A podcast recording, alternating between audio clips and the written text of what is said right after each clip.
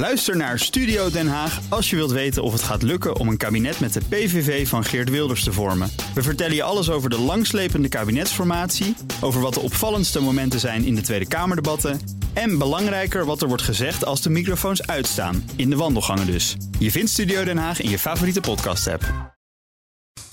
De column van Paul Lasseur. Het is de hypocrisie ten top. Bedrijven die aan hun eigen poten zagen in een poging hun klanten op te voeden tot bewuste wereldburgers. Maar het is helemaal de trend.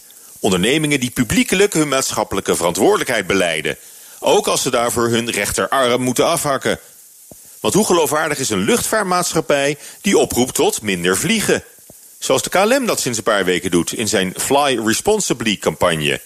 Of bierbrouwer Heineken, die al jarenlang matigheid met alcohol predikt. Onder het bedrijfsmotto Enjoy Responsibly. Je zou bijna denken dat Heineken zijn best doet om minder bier te verkopen in plaats van meer.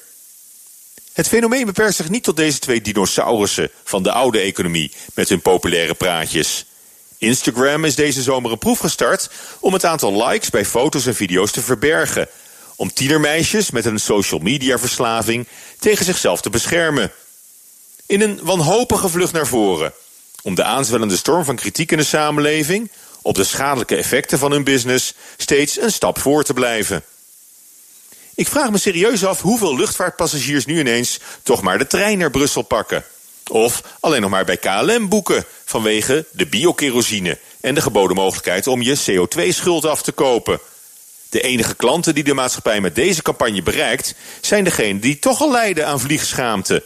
En al lang zelf hadden bedacht dat ze best wat vaker voor het spoor kunnen kiezen of een Skype-verbinding. En uiteindelijk toch weer gewoon in die vliegtuigstoel terechtkomen. Omdat het in bijna alle gevallen de meest efficiënte en goedkope manier van reizen blijft. Het is kortom huichelarij voor de bühne. KLM betaalt nog altijd geen accijns op kerosine. En met budgetdochter Transavia vlieg je voor een paar tientjes nog net zo makkelijk naar de Spaanse Costa. Zo heel erg responsible is dat niet. Vliegen is te gemakkelijk, te goedkoop. Het is verslavend. Ik begrijp het wel hoor, zo'n charme-offensief. Ook bedrijven willen graag aardig en sympathiek overkomen. Maar het is gedoemd te mislukken. Bob Marley zong het al. You can fool some people sometimes, but you can't fool all the people all the time. Zelfregulering in sectoren die verslavende en schadelijke producten aan de man brengen... of het klimaat onevenredig zwaar belasten, haalt niets uit. Het is de dealer die tegen de junk zegt dat hij misschien beter zou kunnen stoppen... of een beetje minderen. Met dit soort publiekscampagnes doen ondernemingen precies het tegenovergestelde van zelf hun verantwoordelijkheid nemen. Ze schuiven die verantwoordelijkheid af op de klant. En deze klant is daar niet van gediend. Prettige maandag. En die klant heet Paula Suur. Is onze vaste columnist op maandag. En als u zijn column wilt terugluisteren, kan dat uiteraard. Surft u gewoon eventjes naar onze website bnr.nl. Of u heeft de BNR-app op uw smartphone. Kan u ook mee aan het werk. En als u de columns geluisterd heeft, dan zijn er nog heel veel prachtig mooie podcasts. Kunt u downloaden, kunt u streamen, kunt u heerlijk luisteren.